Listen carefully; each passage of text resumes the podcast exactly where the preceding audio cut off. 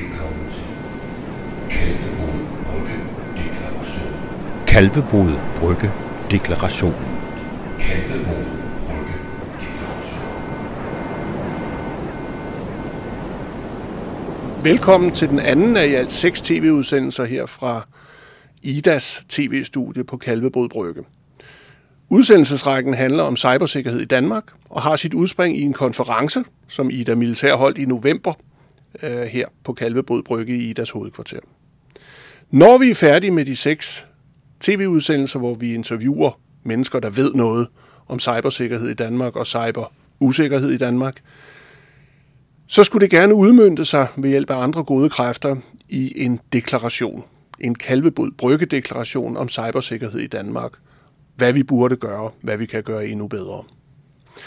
Her i studiet, udover de to gæster, vi præsenterer lige om lidt, der er det mig, Mogens Nørgaard, ofte kendt som en provokatør inden for IT og cybersikkerhed. Og så min medvært, Anders Kævulf, journalist af Guds Nåde, som jeg hermed vil give ordet.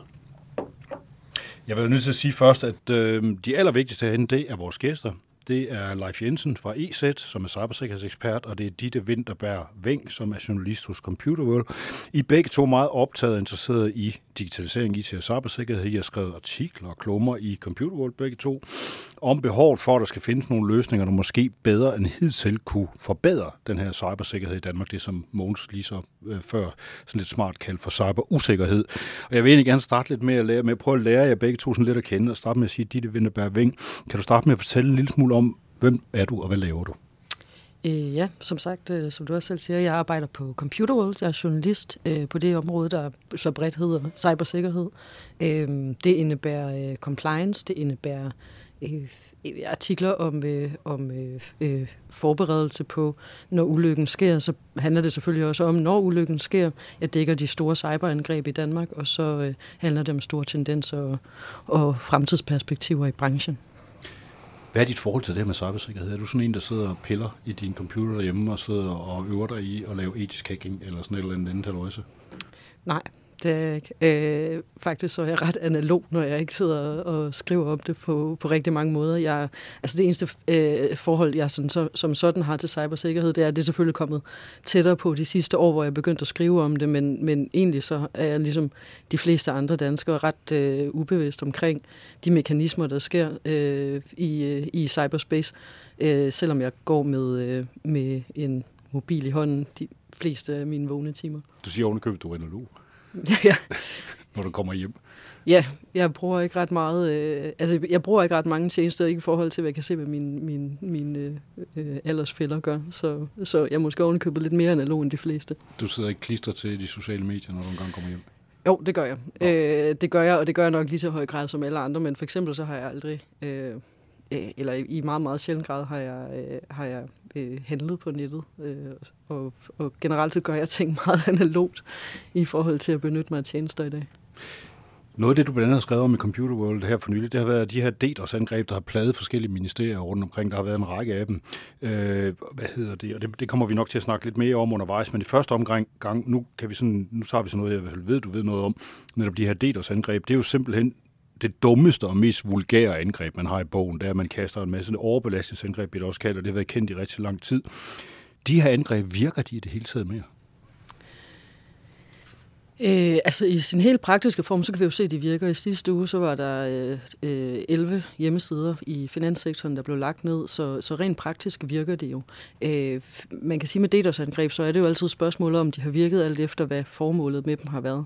Øh, DDoS-angreb er sådan ret bredt, øh, det er en bred forståelse af, at det er primært cyberaktivister, altså folk med et et politisk formål, som, øh, som bruger dem. Det vil sige, det er ikke, det er, det, det, man kan godt, øh, man har set før, at man har brugt dem i, i ransomware-forbindelser, men, øh, eller i ransom-forbindelser, men det er øh, primært folk med et politisk budskab eller en eller anden form for, for statement, der bruger dem, eller øh, det kan jo også være som afledningsmanøvre til nogle helt andre angreb.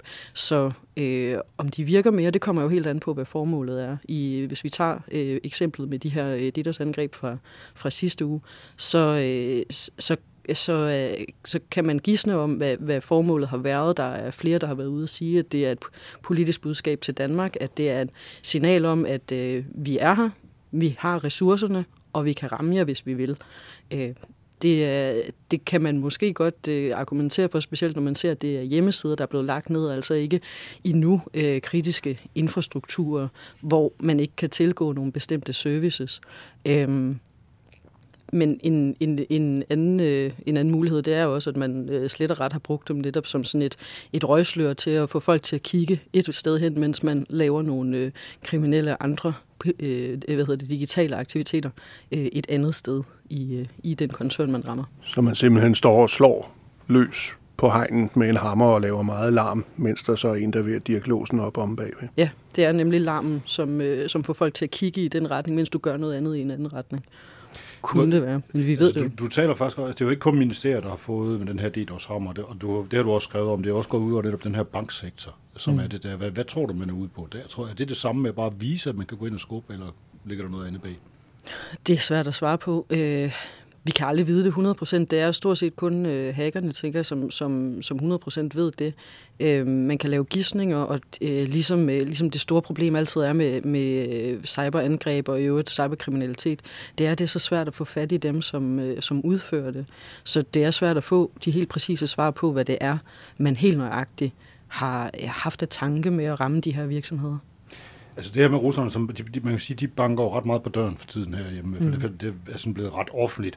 Du sidder inden for din stol som journalist og skal ringe til politikere og folk, der sidder med strasser derude, der, skal, der har med de her ting at gøre til daglig.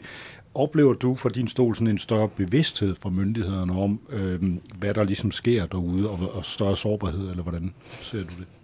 Øh, ja, både og. Altså, øh, man kan jo se Øh, blandt andet Center for Cybersikkerhed, der kan man jo se allerede i juni måned i, øh, i 2022, få måneder efter, at øh, øh, Putin gik ind i Ukraine, så havde de en masse opdaterede øh, øh, trusselsvurderinger, hvor de blandt andet, øh, nu kan man sige, cyberkriminalitet i sig selv, den har altid ligget på meget høj, eller det har den i rigtig lang tid i hvert fald. Øh, og så havde de egentlig opdateret den med, de har den her femtrins skala fra Øh, jeg tror, den hedder øh, ingen trussel til meget høj trussel. Øh, og der lå cyberaktivisme på, på det, der hedder lav, altså på trin 2 af den her, og nu har de rykket den op til trin 3, det der hedder middel. Så på den måde er der jo et, et øget fokus. Ja, der er i hvert fald et fokus, hvor man, hvor man ser en situationsspidse til. Om der om vi ægte har, altså jeg, jeg tror, vi er sådan lidt i en spæd start lige nu, for men det er ikke mange øh, uger siden, at vi så til gengæld så Rigsrevisionen komme ud med en rapport om, at en, en lang række øh, myndigheder øh, simpelthen mangler øh, cyberberedskab og ikke har gennemtænkt de procedurer, der skal til, hvis man bliver ramt af angreb. Så en, øh, jeg tror, der kommer en øget interesse nu. Jeg tror, det er på vej, men lige nu der, der er vi i den øh, fase af det, hvor man ser alle skeletterne lige så stille vælte ud af skabene. Og så er det det, vi kommer til at lappe, inden vi måske får lagt den helt store, øh, øh, robuste cyberstrategi. Vi har jo lige fået en ny øh, digitaliseringsminister, Marie Bjerre. Mm. Tror du, er det dit indtryk, at hun har mere fokus på det her, end, øh, end der har været før? Øh, umiddelbart må jeg sige nej. Øh, jeg har faktisk ikke haft så meget med det ministerie at gøre indtil nu, og det er fordi, at der er blevet svaret ret klart på, hvor øh, interesse for cybersikkerhed ligger. Den ligger stadig over i forsvaret, så vidt jeg forstår. Så jeg tror stadig, det er mod forsvaret og mod øh, øh dermed øh, Jakob Ellemann Jensen, man skal, man skal kigge og spørge, hvis man skal forstå noget om den danske cyberstrategi. Vi går lige over til dig, øh, Leif Jensen fra, øh, fra EZ, du er cybersikkerhedsekspert. Det kan være, at vi ligesom skulle fortsætte lidt i den her med at sige, at de her DDoS-angreb, det der ellers har været, for det har du garanteret også en eller anden form for mening om. Men det første, jeg godt kunne tænke mig at spørge dig om, det er, vi har lige snakket om, at det her med cybersikkerhed, altså cybertruslen, den har været permanent høj igennem lang tid. Skulle vi måske simpelthen begynde at udvide den her skala, så der kom nogle flere tal, altså så man kunne gå højere op, end man gør på nuværende tidspunkt, fordi at den, altså, som jeg husker det, så har den der vurdering været netop på meget høj og kritisk de sidste mange år. Jeg tænker ikke, det giver nogen mening at, at, at hverken udvide den eller indskrænke den. Det, der giver mere mening, det er måske at gøre den lidt mere forståelig. Hvad betyder det her? Så øh, både her fra Danmark og også de små øh, og mellemstore virksomheder, for den sags skyld også de store, de forstår, hvad betyder det, at truslen den er mellem det gør man ikke nu. Altså, der, sidder, det, der står man helt blank og kigger på det og, og siger, det, det ved vi ikke, hvad det betyder. Altså. Jamen, det kan godt være, at man prøver på at kommunikere det, men, men det er i hvert fald ikke noget ud til de små og mellemstore virksomheder. De ved ikke, hvad det betyder. Mm. Jeg skal lige høre med dig også, fordi nu snakker vi lige lidt øh, før øh, med dit om, hvordan, hvor hun ligesom kom ind i det her. Hvordan er du kommet ind i cybersikkerhed? Jamen, øh, jeg var så heldig at blive født samme år som internettet i 1969, så jeg er ligesom vokset op med, med det her.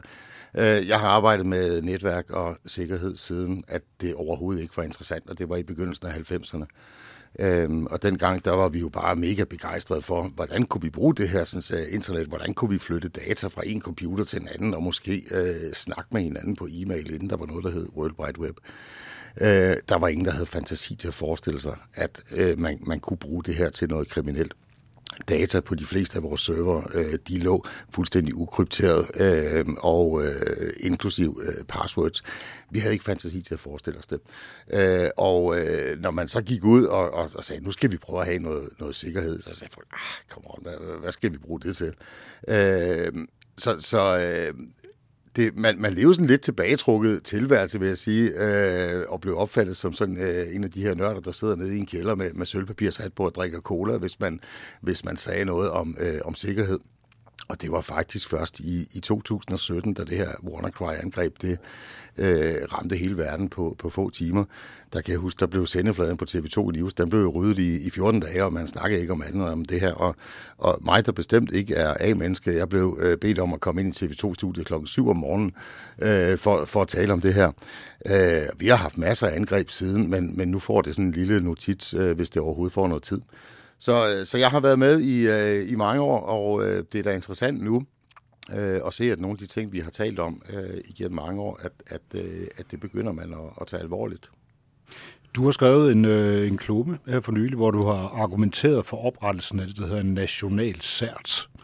Og det skulle være fordi, at Center for Cybersikkerhed, de, som du skriver, efterlader virksomheden uden hjælp.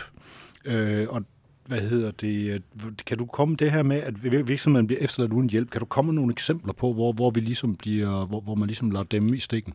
Jamen, jamen det kan Altså, vi har jo vi har haft virkelig fart på med, med øh, digitalisering og øh, med, øh, også med, med, med lovgivninger og et hav af nye øh, hvad skal vi sige, øh, muligheder for borgerne, øh, som, som er blevet trukket lidt ned over hovedet på os, øh, og øh, krav til, øh, til virksomhederne.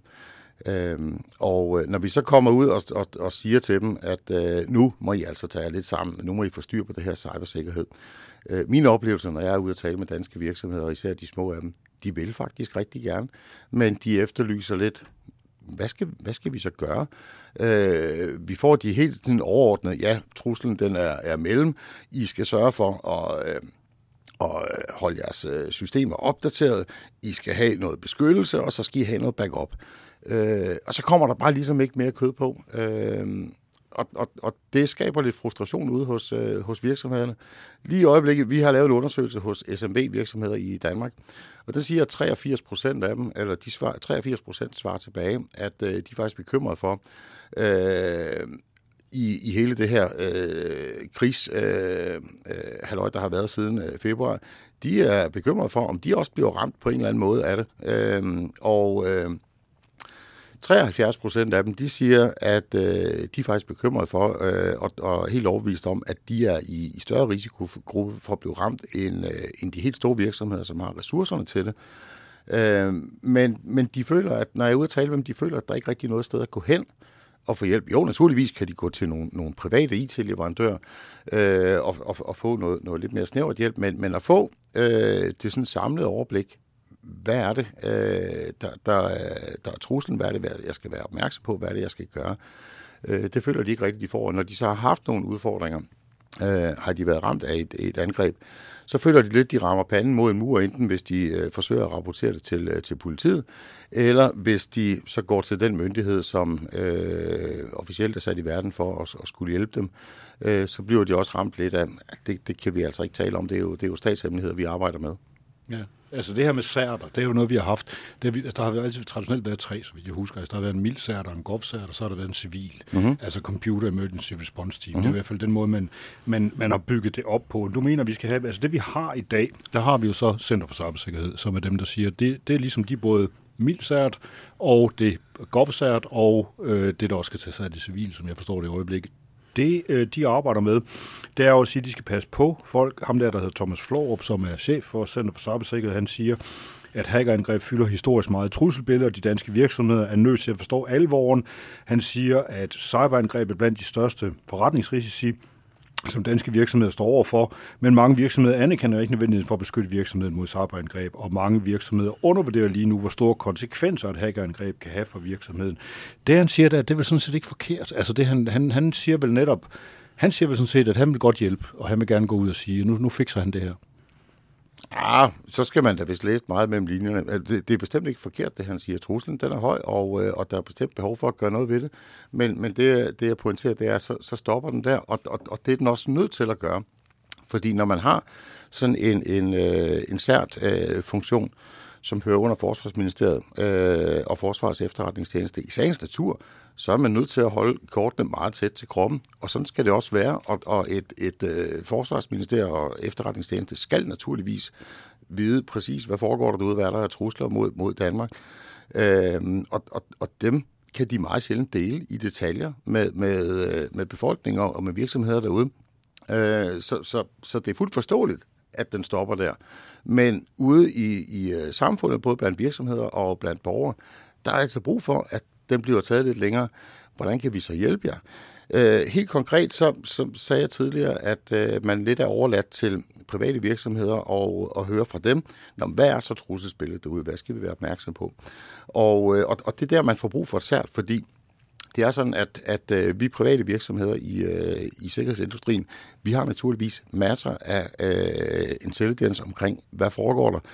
Øh, og vi har researcher, som, som sidder og kigger på, hvad sker der derude. Men den intelligence, den er baseret, og det er stort set ens for alle os øh, flere hundrede leverandører i, i industrien, det er, at den er baseret på, vi har jo mange millioner brugere rundt omkring i verden. For mit vedkommende, vi har over 100 millioner, der, der, der bruger vores ting. Så vi får anonym statistik tilbage fra dem, og så kan vi se præcis, hvad er, øh, hvad er udfordringen derude, hvad, hvad er det for nogle angreb, der, der er i gang, Øh, og så kan vi rapportere og sige, at vi kan se, at der er det her angreb i gang i Asien, vi kan se, at i Sydamerika, der sker det her, vi kan se mod europæiske banker, der er for eksempel det her i gang. Problemet er, når jeg så går ud og fortæller det til en journalist, som for eksempel Ditte fra Computer World, jamen så, så har jeg nogle data. Så kommer der et par timer efter en anden trusselsvurdering fra en anden leverandør, og de har nogle andre data. Det er ikke fordi, at vi har nogle forkerte data, men, men vi, vi kan jo ikke overskue hele internettet. Vi kan få data tilbage fra vores brugere. Så kommer der en anden leverandør med nogle andre data, øh, og så, det kan være, at jeg har været ude at sige et tænkt eksempel. Øh, 76 procent øh, stigning i ransomware-angreb i, i øh, fjerde kvartal sidste år. Så er der en anden producent, der har sagt, vi har set et fald på 4 procent. Hvad skal man forholde sig til derude? Og det, som et sært kan, det er, at de kan tage alle de her informationer og kombinere dem til noget, som, hvad skal vi sige, er øh, ensartet og sige, på baggrund af alt den her intel, vi har fået udefra, så er det det her, der er trusselsbilledet. Øh, og, og man kan dele i, i meget tætte detaljer, øh, fordi at man ikke skal være bekymret om, om det er statshemmeligheder eller ej. Eksempel når, når, øh, når vejrprofeterne går på om aftenen, hvis, hvis de nu kun kunne sige, altså de har alt indtil, øh, men hvis de nu kun kunne sige, det bliver muligvis lidt øh, skiftende vejr de, sidste, øh, de næste 14 dage, så I skal nok have en paraply liggende i bilen, og så stopper den der. Vi vil gerne vide lidt mere. Øh, og det kan de dele, fordi de ikke hører under øh, noget militær eller noget.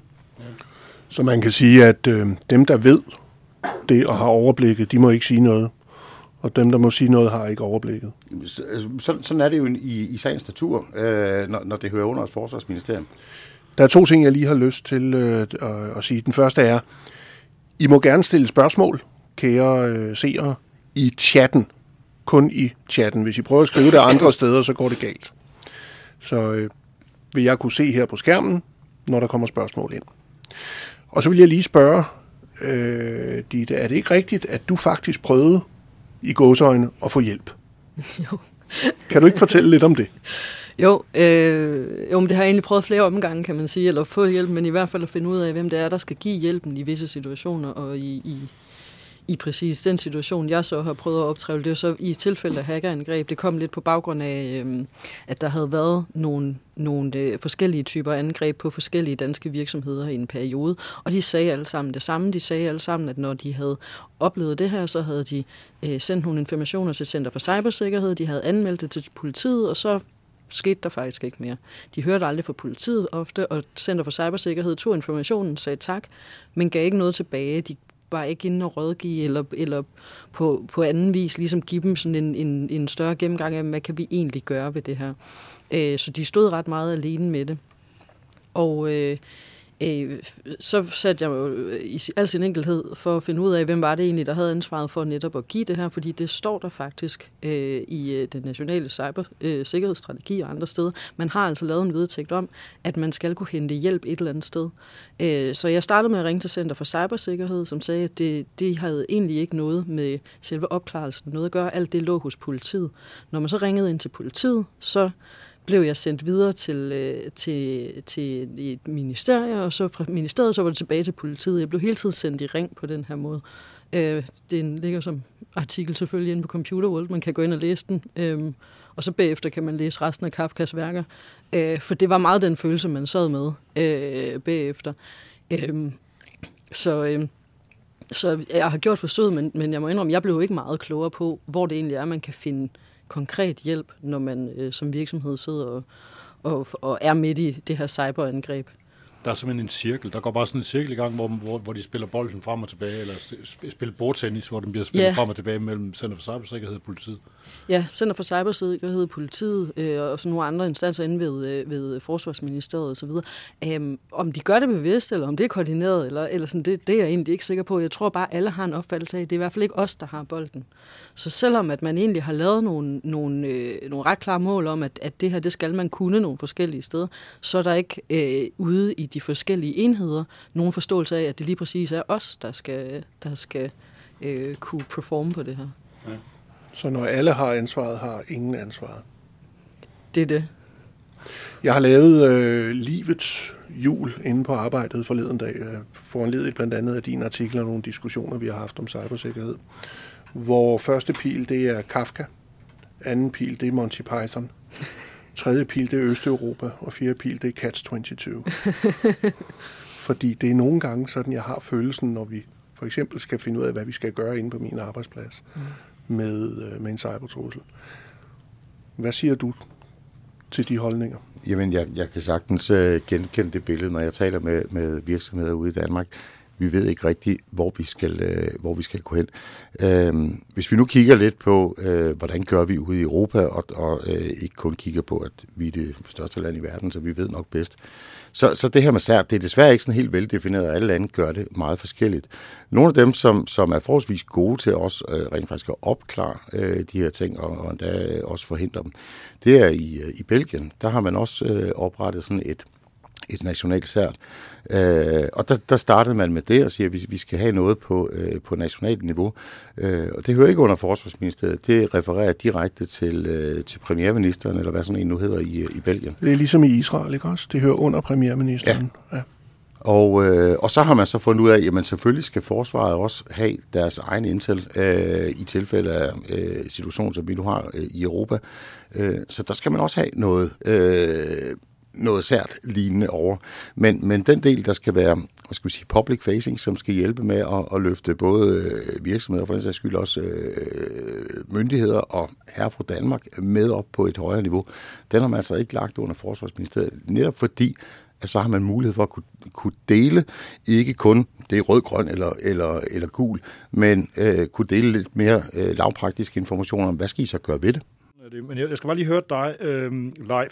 Øh, det her med, jeg ved, en af de store sten i skoen i forhold til Center for Cybersikkerhed, som, som, som jo er dem, der så skal forestille sig at tage sig af alt det her, det er, at deres svar hver eneste gang, man siger, at der er nogle ting, vi ikke rigtig har styr på, det vil vi gerne have, have noget mere af, hvorfor gør I ikke noget ved det? Så siger de, jamen vi skal bare tilslutte, øh, I skal tilslutte sig øh, jer vores sensornetværk så skal I bare alle sammen koble op på det, så har vi jo styr på det hele, og så ved vi jo alt, så behøver vi jo faktisk ikke engang at spørge folk om noget, men så ved vi jo alt, hvad der foregår.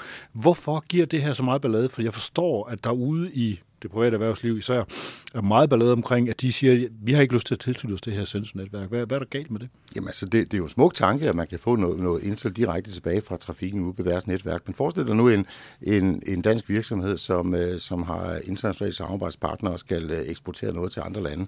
Hvis, hvis, øh, hvis de andre lande ved, at jamen, øh, jo, forsvars, øh, forsvars efterretningstjeneste, de lytter lige med på trafikken her. Det kan godt være, at vi ikke har nogen lyssky forretning, men det er vi faktisk ikke interesseret i at dele med nogle efterretningstjenester. Så, så kan det måske være en lille smule sværere at, at komme ud på eksportmarkederne, hvis, hvis Forsvarets efterretningstjeneste, hvad skal vi sige, åbenlyst sidder og lytter med. Det er og, og for eksempel har oplysninger om, om F-35-handler eller lignende. Eksempelvis, ja. Fra Therma. Ja. Mm. Det her med, hvem, hvem skulle så, hvis nu snakker vi så om at lave en, en anden type sært her, som, som kunne virke på en anden måde, og som, øh, hvem skulle sidde med i den? Jamen, øh, i, i den ideelle verden og, og øh, i min tanke, så er det en kombination af øh, myndigheder og, og det private erhvervsliv, for det, det er der virkelig brug for, hvis man skal gøre noget ved det her. Øh, dels er der rigtig mange eksperter ude i det private erhvervsliv, dels er der rigtig meget øh, intelligence derude, øh, og øh, nogle af de større operatører, teleoperatører, øh, internetoperatører, det er jo nogle af dem, der er aller tættest på, på internettrafikken.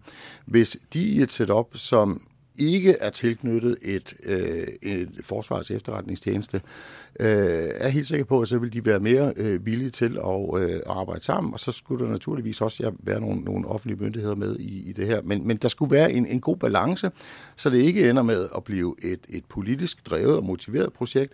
Det skal heller ikke ende med at blive et øh, kommercielt orienteret projekt, men hvor der er en god balance imellem de her.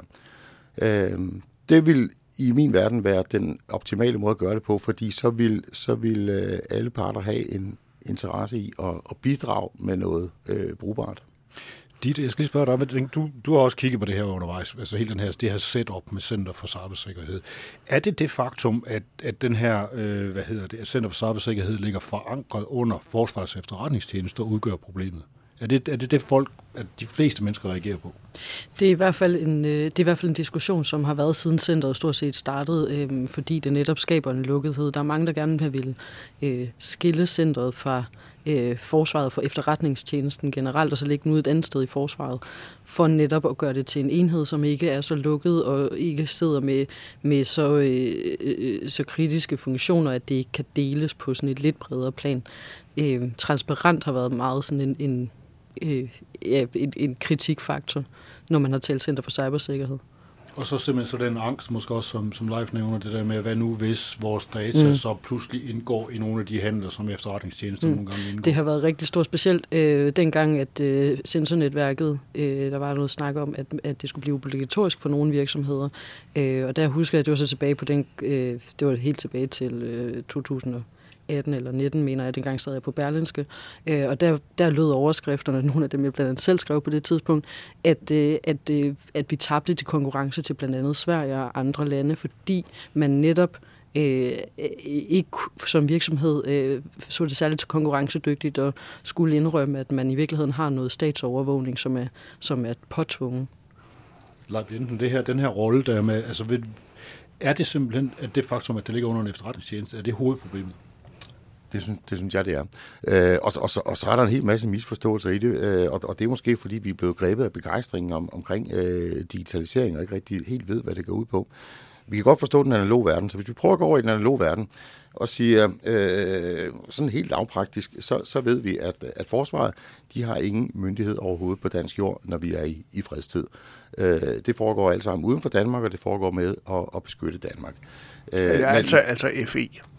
Forsvarets ja. efterretningstjeneste. Jo, jo, men altså, ja. lad, lad os nu sige, at der går en, en, en soldat på gaden, og så opdager han en, en lastbil, der bliver åbnet, og så ud, der vælter en hel masse østeuropæere, og det, med pH-lamper, designerstole og alt muligt. Øh, så, må, så må den soldat jo ikke gøre noget som helst andet, end, end du og jeg må gøre, foretage en, en civil anholdelse. Han må ikke gå ind og begynde at, efterforske på det her, og, og forsøge at forhindre det. Øh, og, og det har vi en rimelig god skillelinje omkring. Det må politiet så til gengæld gerne. Når det så kommer til at efterforske i udlandet, så har politiet en udfordring. Men når vi bevæger os over i det digitale, så har vi lige pludselig øh, siger, siger, at vi, vi skal kunne hjælpe øh, civilbefolkningen, øh, civile virksomheder, øh, og så giver vi forsvaret nogle beføjelser, som vi i hvert fald ikke har i den analoge verden. Og det tror jeg måske er på baggrund af nogle misforståelser. Jeg kan heller ikke være med at tænke på, at det er jo ret interessant, hvorfor det egentlig er endt med at være forsvarets efterretningstjeneste, der tager sig af den her trafik, fordi det er vel, den er vel dybest set vendt imod, skal man sige, vores, altså Danmark, hvad der foregår inde i landet. Og det vil jo normalt, der vil det jo normalt være politiets efterretningstjeneste, der tog sig af det. Men det Ikke forklarer. Finsen i sin bog. Ja. Finsen praler med, i sin bog med, at han øh, fik det igennem, så det ikke havnede hos PET. Jeg tænker bare på, hvordan, altså det, undrer det også, ja. Altså det der med, at man kan sige, hvordan kan det være, at det er endt hos en udenrigs efterretningstjeneste i stedet for en intern? Det undrer, det undrer mig i hvert fald, men, men øh, alligevel er det ikke så overraskende. Altså, øh, der, der kan være mange øh, politiske motivationer bag. Hvis vi kigger på, da de fik den sidste portion af penge, øh, 500 millioner, og jeg skal ikke gøre mig til dommer, om, om det er korrekt eller forkert, men, men timingen var da interessant, for det var der, der var en vis amerikansk præsident, der havde været ude og sige, øh, kære NATO-medlemslande, I skal altså lige op i investeringen lidt, hvis I skal være med i hulen her.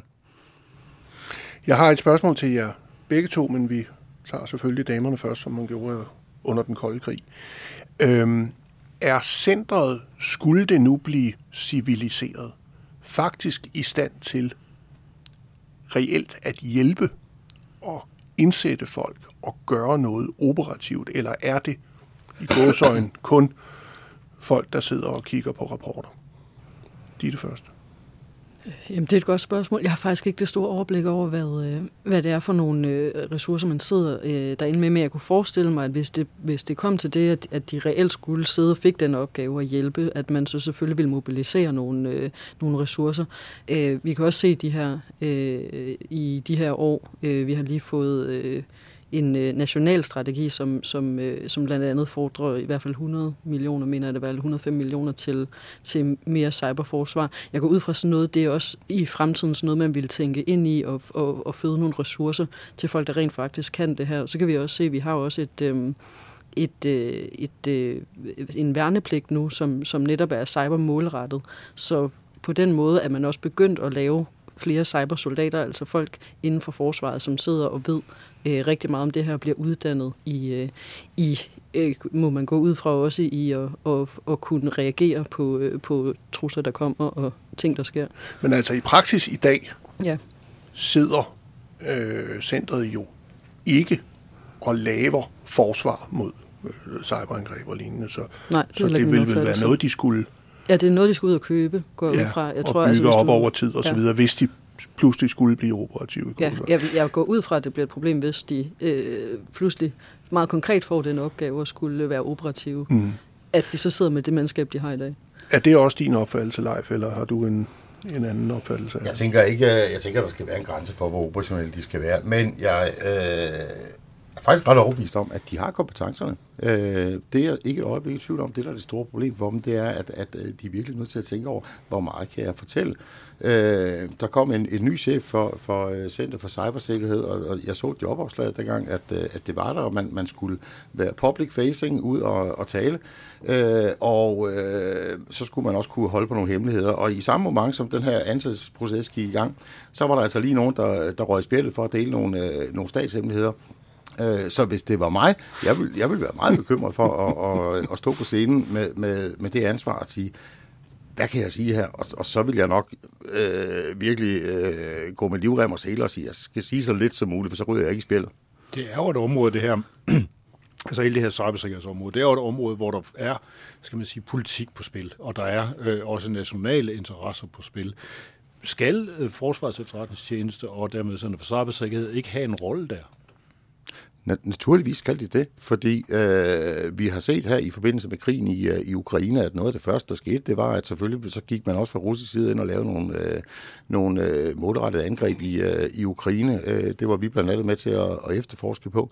Så, så, så det er en ting, det er en del af, af krigsførelse, det er en del af forsvaret. Naturligvis skal de have øh, et, et øh, center for cybersikkerhed, der tager sig af øh, at beskytte Danmark som nation imod andre nationer, som vil os noget ondt. Men når vi kigger på mængden af alle de cyberangreb, der er på, på daglig basis, så tror jeg, at vi skal, vi skal under 1%, som rent faktisk kan, kan, kan peges tilbage og sige, at det er statsstøttede aktører, som vil os noget ondt. Det meste af det, det er øh, helt almindelige banditter, der bare gerne vil tjene nogle penge og synes, det er nemmere end at røve en bank. Ja, og nogle gange en kombination af de to. Ja. Hvis I kunne drømme, hvordan skulle et cyber forsvar af Danmark så se ud? Jamen, som eksemplet, jeg gav fra, fra Belgien, hvor, hvor man havde noget, der hørte under øh, hvad skal vi sige, statsministeriet, som ikke var, var forsvar, øh, og som øh, allerede på, på designbasis øh, sørgede for at involvere både private virksomheder øh, og, øh, og offentlige myndigheder i en fin balance. Øh, så hvis vi rykkede centret ned under statsministeriet, for eksempel? Nej, vi skal, ikke, vi, skal, vi skal ikke rykke centret nogen steder, øh, fordi forsvaret skal stadigvæk have det. Øh, og, og de har opbygget kompetence. Der er ikke nogen grund til at pille det fra hinanden. Det vil faktisk være mere effektivt at, at bygge et nyt, der siger, at det, det her, der skal være den civile del af det, og så lade forsvaret beholde det, de allerede har. Må jeg spørge nu? Hvad er det så, du vil rykke fra centret? Altså, hvilke opgaver vil du rykke fra centret over i den center, hvis nogen overhovedet?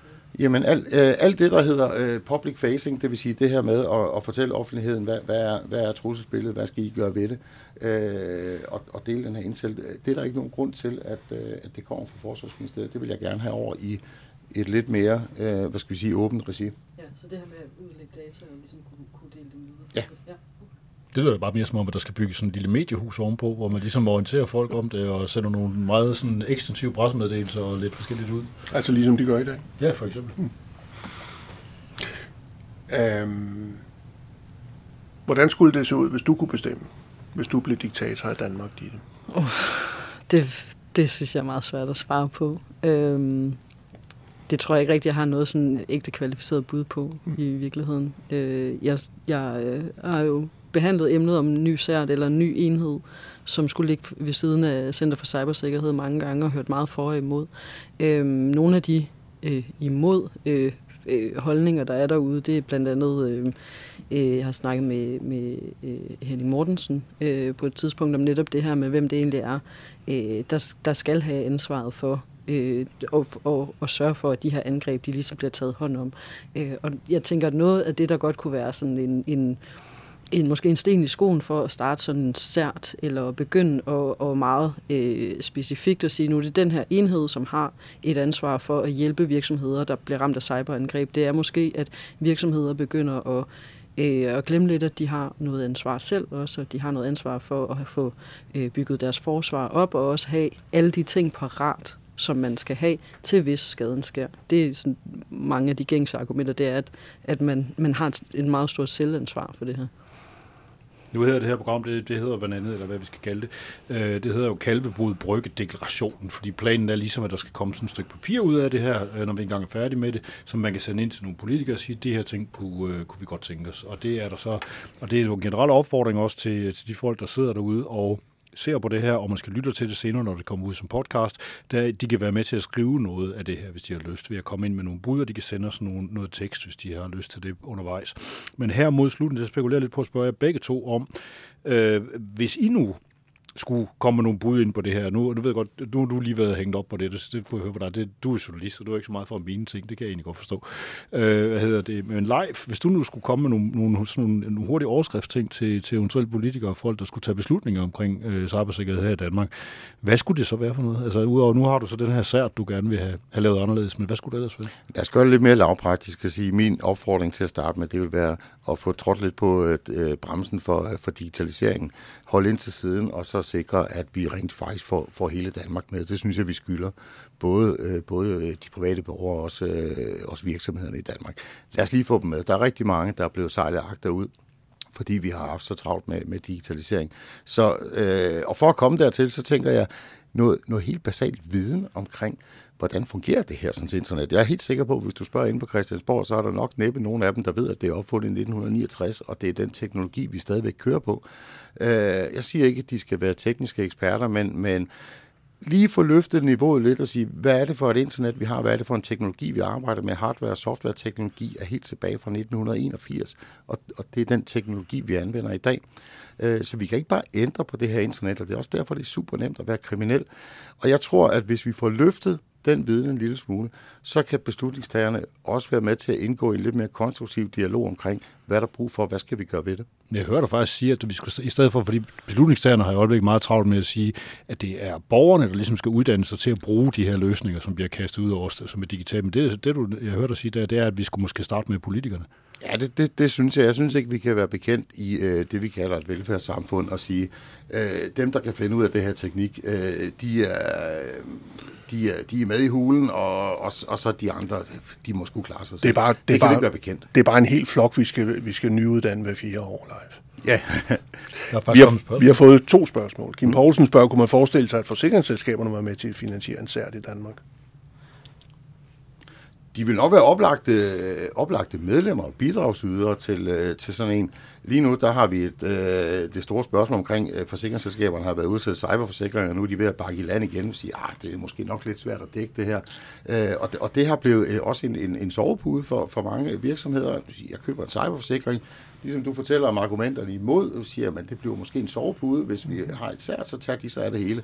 Tilbage til min Så, analogi. så er bestyrelsen lykkelig, og så kan Ja. vi bare køre videre. Men, men tilbage til det her igen med, med vejrprofeten, der kommer på skærmen. Vi ved godt, at, øh, at DMI de fortæller os, hvordan bliver vejret, og de har alt deres statistik. Øh, Men hvis det bliver regnvejr i morgen, så kommer de altså ikke ud og sætter ekstra tagrender op i mit hus. Øh, Det må jeg selv sørge for. Det lyder lige lidt, ligesom den gode gamle Monty, øh, ikke Monty Python, øh, Monrad Rislund der med og vejret, Ja. øh, ligesom for 14 dage siden.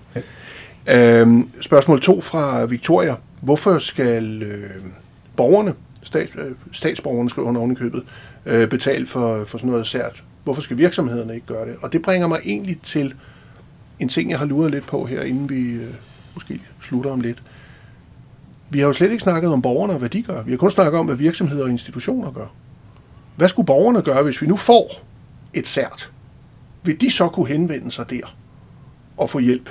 Vil min mormor, jeg være hendes minde, hvis hun levede, og så videre, vil hun kunne henvende sig der? Hvad gør vi for borgerne? Ditte, tænker du noget på det punkt? Nej? Øh, nej, men jeg, jeg tror egentlig bare, jeg er mest interesseret i at høre, hvad, hvad du har tænkt med det. Jeg kunne i hvert fald rigtig godt tænke mig, at man under Digitaliseringsstyrelsen, eller hvem det nu måtte være, der driver det her, siger, jamen øh, for at få borgerne med, og der er et stort behov for det, lad os da lave øh, en, øh, en mulighed for dem at komme i dialog.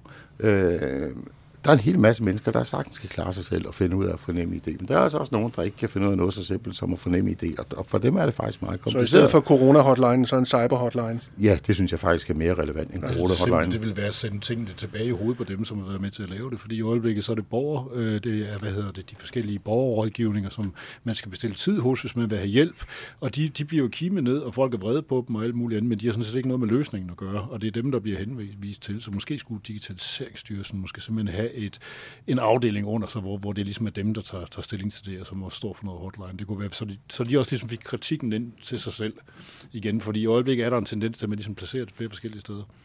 Jeg, jeg vil i hvert fald se det som en naturlig del af, af, af sådan et, et sært uden for, for øh, Forsvars efterretningstjeneste, at man har et ben, der siger, hvad gør vi med her fra Danmark? Lige nu, der er faktisk ikke ret mange muligheder.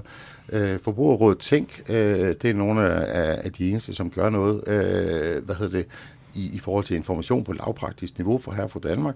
Der er cirka 300.000, der bruger øh, deres app med digital selvforsvar. Og det vil sige, at der er rigtig mange, der ikke bruger den, der ikke får den information. Jeg tog initiativ til at sige, når ikke der er andre, der vil gøre det, så må jeg jo lave en vejrudsigt for herre fra Danmark. Så jeg har lavet et podcast, der hedder Cyberværet, hvor jeg fortæller for herre fra Danmark, hvad de skal gøre. Øh, det kunne jeg godt tænke mig, at øh, myndighederne tog op og sagde, lad os få, få herre fra Danmark med, det hører sig til i et velfærdssamfund.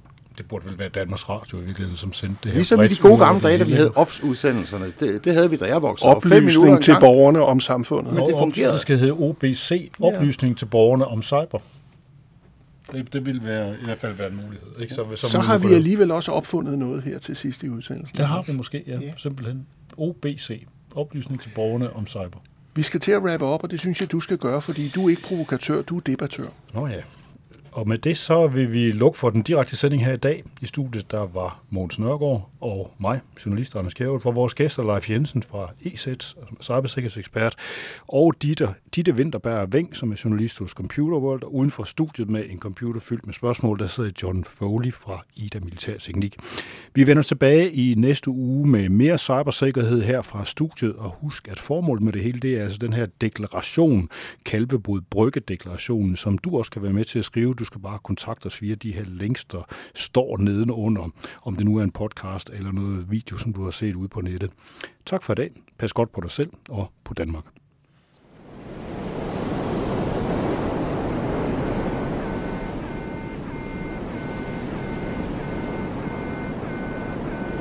Kalvebod Brygge Deklarationen. Kalvebod